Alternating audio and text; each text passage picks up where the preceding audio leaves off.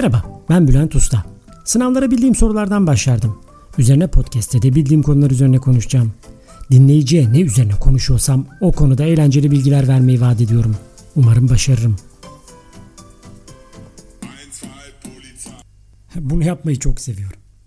Şimdi bir parantez açıp Almanya'nın birleşmesine ve imparatorluk haline gelmesine değinmem gerek. Zira siyasi birliği anlatmamak çerçeveyi boş bırakmak olur. Hala Alman savunalarını ve birasını anlatmamı bekleyenlere not. Anlatacağım sabırlı olun. Önce Otto. Otto von Bismarck. Bismarck dönemine kadar Almanca konuşan ve aynı soydan gelen dağınık devletler vardı. Saksonya Krallığı, Bavyera Krallığı, Prusya Krallığı gibi. Bunun yanında birleşme için her şey hazırdı. Demir yolları kurulmuştu. Bir Alman yazar Alman İmparatorluğu ilk demir yolunun yapılmasıyla kurulmuştur demiştir. Solferein yani gümrük birliği de oluşturulmuştu. Almanca zaten ortak, soy ortak, e ne duruyorsun zaker yapsana gibi bir durum vardı ortada. Almanlar da birleşmek istiyorlardı zaten. Fakat elbette bu isteğin karşısında bir takım engeller vardı. Birincisi mezhep farklılıkları. İkincisi Prusya-Avusturya çekişmesi ve Fransa'nın bazı Alman devletleri üzerindeki hegemonyası. Bu engelleri aşmak için hem siyasi irade hem de savaş gücü gerekiyordu. Prusya Kralı Wilhelm Bismarck'ı şansölye olarak atadığında Bismarck'ın en büyük amacı bu birleşmeyi sağlamaktı. Almanya için Blut und Eisen, kan ve çelik dönemi başlamıştı. Kan Alman halkından, çelik de Krups ailesinin firmasından gelecekti. Belirtmekte fayda var. Alfred Krups Bismarck'ın da dostuydu. Bismarck ilk olarak kuzeydeki Alman prensliklerini birleştirme yolunu seçti. Bunun için Danimarka'yı yürüdü. Yanında Avusturya vardı. Evet, Avusturya'nın da Danimarka'dan istekleri vardı. Bu savaşta Prusya'nın yanında yer aldı. Amacı Danimarka'ya bağlı olan Schleswig ve Holstein dukalıklarını almaktı. Danlar kahramanca savaşmalarına rağmen bu savaşı kaybettiler. Zira tüfek icat olmuş mertlik bozulmuştu. Aslında herkeste tüfek vardı, Danlarda da tüfek vardı ama Almanlarda Dreyse kurmalı tüfeği vardı. Savaşın yönünü belirleyen bu oldu. Bu tüfek tek iğneli yandan kurmalıydı. Dan ordusunun tüfekleri ise önden dolmalıydı. Yani ateş ettikten sonra doldurmak için hem zaman hem de çaba gerekiyordu. Tüfekleri mevzide yatarak doldurmak zordu. Ama Almanlar siperde yatarken bile ateş ettikten hemen sonra kurma mekanizmasıyla tüfeklerini yandan dolduruyorlar ve hafif ayağa kalkmış ve tüfeğinin ucuna çubukla barut doldurmaya çalışan kahramandan askerini keklik gibi alıyorlardı. Dreyse tüfeği savaşın çehresini değiştiriyordu. Bismarck'ın Krups çeliğiyle güçlendirilmiş ordusu üst üste savaşlar kazanarak kuzeyde Alman birliğini sağladı. Ancak doğuda Avusturya birlik için halen tehdit teşkil ediyordu. Her an kuzeyde sağlanan birliği bozabilirdi. Zira Avusturyalılar Alman birliği Avusturya altında olmalı diye düşünüyorlardı. Bismarck allem etti kallem etti savaş çıkardı. Önce İtalya ile anlaştı. Avusturya ile bir savaş çıkarsa iki ülke birbirini destekleyecekti. Sonra da gerekçe aramaya başladı. İtalya bu sırada Avusturya'ya güneyden girmek için hazırlıklarını yapıyordu. Bismarck da net bir sebep bulamasa da gözünün üstünde kaşın var diye Avusturya üzerine yürüdü. İtalyanlar da güneyden saldırıya girdiler.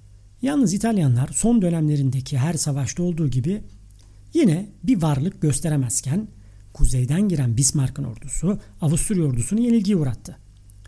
Viyana'ya doğru ilerlemeye başladı. Meşhur Viyana kapılarına varmadan Avusturya Barış Anlaşması yapılmasını talep etti. Yenilmişti. Almanya bu savaştan sonra artık Almanlar adına konuşan tek büyük devlet olmuştu. Bu durum bölgede hakimiyet alanı geniş olan Fransızları kızdırıyor, tedirgin ediyordu.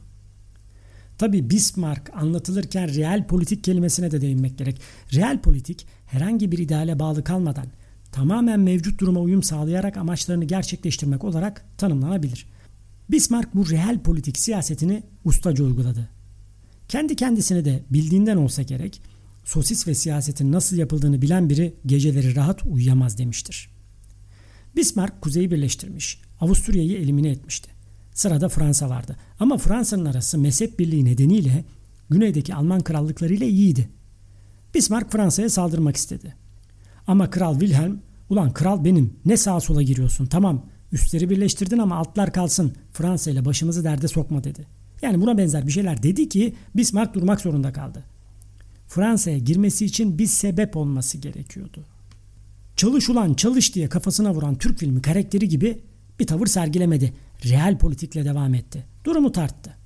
Bu sırada İspanya kralı ölünce krallık Avrupa'da Katolik prenslere teklif edilmeye başlandı. O dönem öyle oluyordu. Soylulara krallık teklif edilebiliyordu. Bugün İsviçre'desin bir bakmışsın yarın İspanya'da kralsın. Krallık böyle bir şeydi yani. Ama Fransa tüm tekliflere karışıyor adeta huysuz bir kaynana gibi reddediyordu. Üç tane soylu kral adayını prensi reddetti. İspanya çöpsüz üzüm ne yapacak onları falan gibi bir şey dedi herhalde. İspanyollar sonunda kral olması için soylu bir Alman ailesinden gelen Prens Leopold'e teklif götürdü. Bismarck de hemen Leopold'e oğlum hemen kabul et. Al git bak güzel krallık sakın düşünme dese de Fransa araya girerek taş koydu. İspanya bu kaknem Leopold'a mı kaldı dedi. İmparator 3. Napolyon Leopold'un ailesine bir mektup döşendi. Bu iş olursa biz de sizi temalı bir mektuptu bu.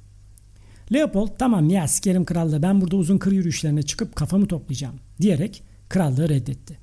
Ama kaynana kılıklı Fransa nedendir bilinmez üstelemeye devam etti. Alman kralına da elçi yollayarak Leopold'un kral olmasına karşı olduklarını tekrar belirtti. Aman ha sakın o Leopold denen tip İspanya'ya gelmesin dedi. Almanya kralı Wilhelm elçiyi pışpışladıktan sonra Bismarck'a bir telgraf çekerek biraz da şikayet ederek durumu anlattı. Dedikodu mahiyetinde herhalde. Bismarck da aham da savaş fırsatı diyerek bu telgrafa atladı. Telgrafı biraz kısaltıp sertleştirip hem Alman hem de Fransız basınına sızdırdı. Telgraf Fransa'da bu Almanlar da çok oldu. Hemen Berlin'e girelim de görsünler havasında karşılandı. Fransa savaş istiyor. Bismarck da kıs kıs gülüyordu.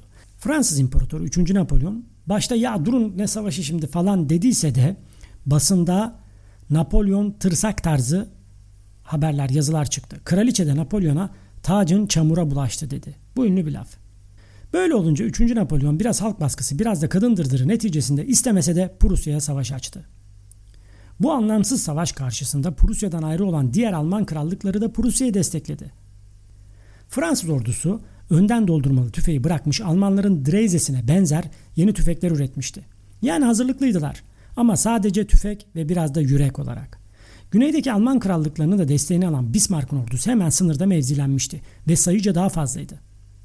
Fransızlar ilk hamleyi yaptılar ve daha yeni tüfekleri ve Fransız adıyla biraz Almanya içlerine Saarbrück'e kadar girdiler. Almanlarda ise Krups topları vardı. Ordularının sayıca üstünlüğü ve daha kullanışlı topları sayesinde Fransızlar önce püskürtüp sonra hırpalayarak Fransa içlerine kadar ittiler. Fransız ordusu ikiye bölündü. Bir kısmı esir düştü, diğer kısmı da dağıldı. Neyse fazla uzatmayalım. Hikayenin sonunda Fransa yenildi. Paris yakınlarında Aynalı Versailles Sarayı'nda 18 Ocak 1871'de Alman kralı Wilhelm Alman imparatoru olarak ilan edildi ve tüm Alman krallıkları ve prenslikleri böylece birleşmiş oldu. Bismarck kan ve çelik ile birliği sağlamıştı. Fransa, Alsas-Lorraine ve bir miktar para artı Holosko şaka şaka Fransızlar Alsas-Lorraine'i kaybetti ve deli gibi tazminat ödemeye mahkum oldu. Yani Bismarck arada kasayı da doldurdu. Fransız-Alman savaşının bir galibi de Kruppstahl yani Krupp demiri, Krupp firmasının demir topları olmuştu.